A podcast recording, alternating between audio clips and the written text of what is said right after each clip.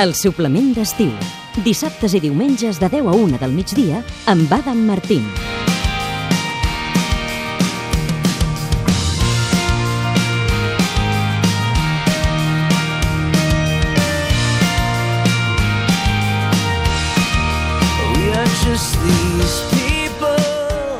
Un dels esportistes amateurs més coneguts del país. És un exemple de superació, d'esforç, de bogeria també i d'espontaneïtat. Ha fet Ironmans, Ultramans, eh, curses pel desert, per la selva... De fet, s'atreveix amb tot.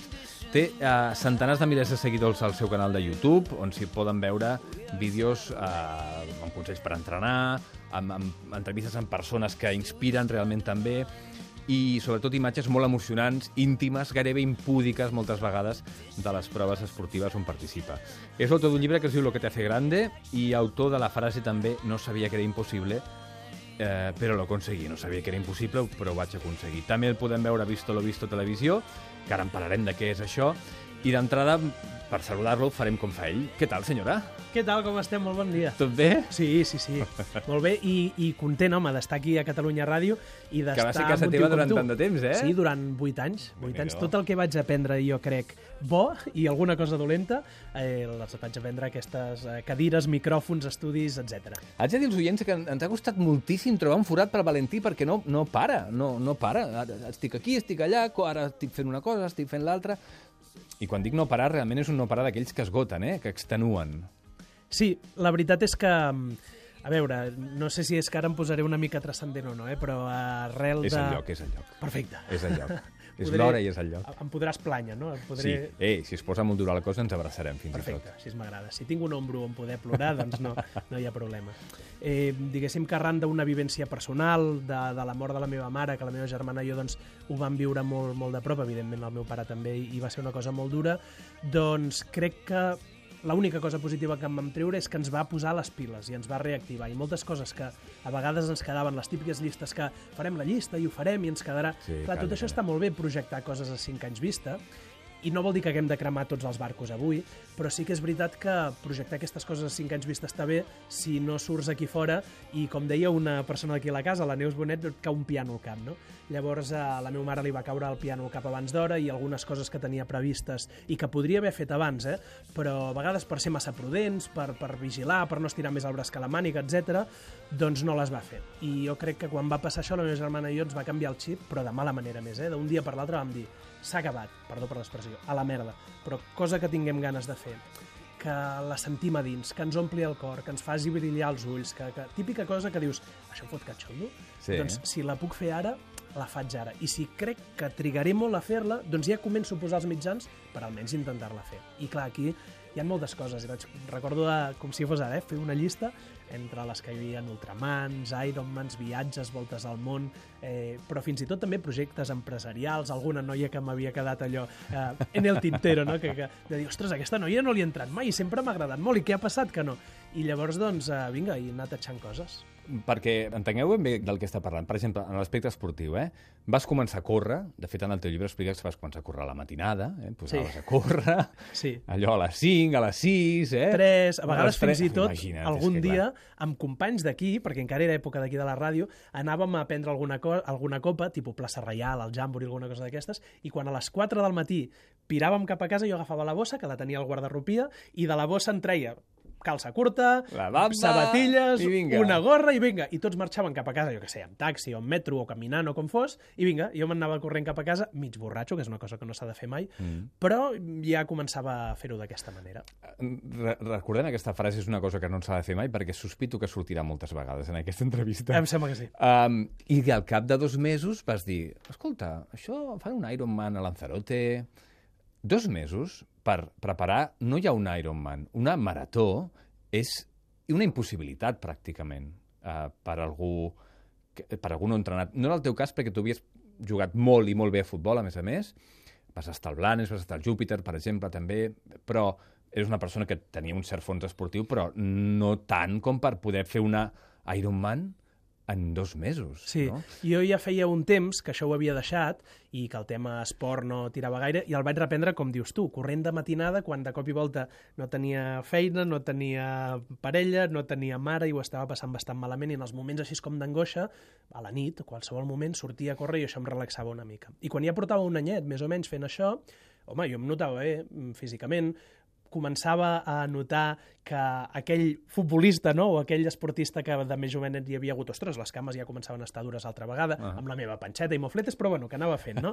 I, I em notava bé. I de cop i volta, dins d'aquella llista que jo tenia pensat de fer algun cop a la vida, hi havia, de manera aspiracional, eh, jo crec, un Ironman. Havia vist gent, vídeos d'aquest pare i aquest fill, eh, que és un senyor gran amb un fill amb paràlisi cerebral. també l'he vist, la vídeo. família Hoyt, que, que de cop i volta el pare tira del nen i se l'emporta a Ironmans maratons d'arreu de tot el món. Expliquem a la gent, un Ironman són 42 quilòmetres corrent, Sí. eh? una marató. 180 en bicicleta Sí. i gairebé 4, 3,8 nedant. Sí. Eh? És això, segueix. Això mateix, això mateix. I, I aquest senyor, jo recordo haver vist els vídeos i veure'ls i que se'm posés la pell de gallina sense saber ni tan sols quina era la distància, ni què significava ser un Ironman, no? I a mi això em semblava una cosa d'un altre món, sobrenatural eh, i, i inaccessible, de superherois, no? I de cop i volta se'm va fotre al cap i vaig dir, això algun dia ho has de fer. Però clar, quan dius algun dia ho has de fer, penses d'aquí a 5, 10, o ni tan sols hi poses data. I dins d'aquestes presses que em van agafar per començar a viure i per no perdre el temps, o, o per pensar, si el dia de demà resulta que derrapes i te'n vas cap a l'altre barri, que no et quedi la llista tot de coses per fer, no? i que n'hagis fet alguna. I el primer va ser mirar i dir, ostres, un Ironman, 3,8 nedant, i jo pensava, i això quanta estona és? O sigui, no, no en tenia ni idea. 180 en bici, pensava, 180 en bici? Hòstia, però si tu no, no vas en bici, no tens ni tan sols bici. Nedar no nedava des de que al col·le, lo típic, no?, que et fan unes classes. I córrer sí que me'n feia una idea. Pensava, hòstia, córrer, uf, una marató, però clar, ja tot lo d'abans, eh, bé. I... Però vaig pensar, dic, vinga, vés a buscar on fan un Ironman. I vaig veure que en feien una Lanzarote i que era un dels més durs del món, pel desnivell, pel vent i... No, sí, per començar, està molt bé, home. E- Era el que estava més a prop, també, eh? Vull dir, no és que jo volgués anar a buscar el més... Però vaig veure que el feien en dos mesos. I casualitats de la vida, eh, una mica abans que faltessin aquests dos mesos, vaig anar a Lanzarote a la boda d'una de les meves millors amigues, que viu allà, treballa allà a l'aquàrium, etc. I vaig flipar amb l'ambient de tota la gent jove que és esportista, com parlen de l'Ironman. Parlen com si fossin uns Jocs Olímpics, mm. de com es paralitza l'illa, de com tothom a les 12 de la nit, que és a l'hora de l'arribada de l'últim esportista que després de 17 hores arriba amb temps, està esperant allà, des del tio que ha guanyat fins a gent que està passejant per allà pel passeig. I ho explicaven d'una manera que pensava, dic, això no és que sigui èpic, això és que és, ostres, és vas dir, vida. jo haig de formar part d'això, I vaig dir, no? sí, ha d'anar, sí, ha d'anar. A partir d'aquí després arriba un Ultraman, que encara és més bèstia, eh? Un Ultraman són 10 quilòmetres nedant el primer dia i 144,8 en bici, el segon dia 273,5 en bicicleta i el tercer dia 84,3 quilòmetres corrent. Això va ser la segona cosa que vas fer Sí, a Gales. de dos o tres mesos. Molt bé, molt bé, xaval. Molt bé. I després ja arriba Costa Rica, 250 quilòmetres per la selva, la Marató de Sables, que són 251 quilòmetres en 6 dies pel desert. Uh, també has fet una cosa que és una barbaritat, que és un Epic 5, que són 5 Ironmans, un Ironman diari. Sí. Eh? Que també...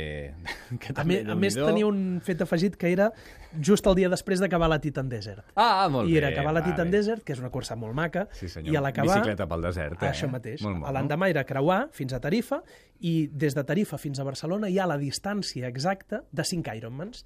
Llavors, el, el hashtag de tot això era la Titan i Pacassa.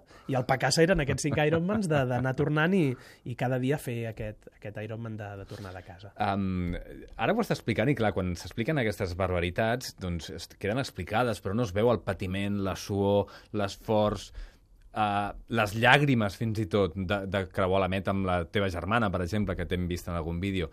Si sentiu curiositat i no ho heu fet, mireu el YouTube del Valentí San Juan, perquè realment és impressionant, i veureu, i entendeu per què deia jo al principi que exposa les seves intimitats d'una manera pràcticament impúdica, perquè ara està aquí eh, explicant-ho tot, controlant la seva situació, però de vegades hi ha vídeos on estàs perdut, on, uh, on ho vols deixar, on, on eh, plores, on, has, has caigut i has d'abandonar amb la bicicleta, de tot, no? Sí, perquè quan... Clar, al principi no ho havíem pensat com fer-ho això, i va ser anar a l'Ironman i gravar-ho. I enmig de l'Ironman jo recordo anar gravant i en aquest vídeo d'aquest primer Ironman, que el trobaran, eh, youtube.com barra Valentí San Juan, doncs dins de tot això recordo estar gravant i de cop i volta gravar coses que em feien gràcia i després coses on estava molt fotut i, i quan m'havia de posar a muntar el vídeo, clar, jo pensava, ostres, has acabat un Ironman, has de fer un vídeo èpic, no? I ha de ser un vídeo que la gent que ho vegi pensi que ets un superheroi com quan tu veies els Ironmans i pensaves en superherois. I em vaig posar a muntar-lo i no em va sortir. Em va sortir, doncs, quan eh, hi havia un moment que deia me meao en la bici, Sí, me meao en la bici, i després un moment que deia, doncs, ostres, ara no sé què coi foto aquí, doncs això, i un moment que hi havia una cançó de De La Fe i mirava el paisatge i deia, oh, això és de pell de gallina. I, i, mm, i, i en aquell moment ho vaig muntar així, vaig veure el vídeo i en, el, en veure'l vaig pensar és que la carrera que has viscut és així. No has viscut una carrera on ho hagis superat tot i on hagis vençut. No, hi ha hagut moments on estaves ensorrat, moments on estaves fet una merda, moments on no podies i moments on et pensaves que eres, eh, vés a saber, que eres Batman, no? I, i està bé que quan ensenyes això, ensenyis tots els prismes, perquè jo crec que um, per veure eh, la part bonica de tot això, ja, ja ho veiem a la tele, però ja que m'ho posava a fer jo tenia ganes d'ensenyar lo bo, lo dolent, eh, quan estàs a Costa Rica i et fots amb un riu i de cop de volta has de vigilar perquè t'han avisat que hi ha un bitxo que se't fot pel cul, i, literalment, i que per tant has de portar unes malles, i tu entres al riu i dius ai, ai, ai, ai, a veure què passarà, no? I està bé que això, que això Amb es el cul vegi. apretat literalment. Literalment. Literalment, sí, sí. eh? Amb un embut, ai, amb un embut, amb un tap, amb un tap de suro, de dir, no, bitxo, no.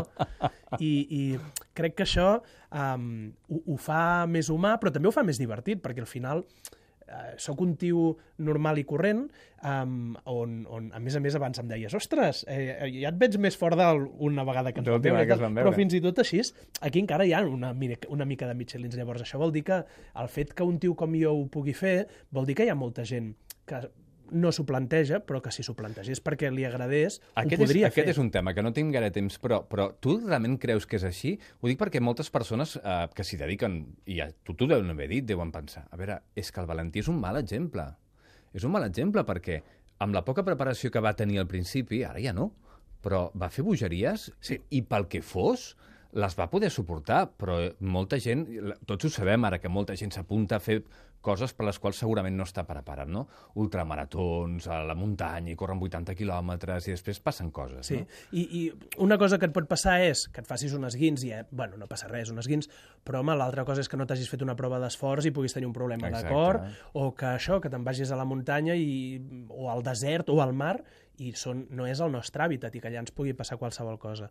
Llavors, eh, és veritat, jo el que vaig fer al principi no s'ha de fer com ho vaig fer, m'ho va criticar molta gent i recordo fins i tot que era gent que estimen aquests esports, eh? i que no m'ho deien com per dir, ah, aquest tio ets un... No, no, no, No, m'ho veien i m'ho argumentaven, o a vegades fins i tot s'emprenyaven i em deien, tio, és que això que estàs ensenyant i que a més a més està veient molta gent, no pot ser, perquè un altre ho voldrà fer i o es lesionarà o es frustrarà o punts suspensius.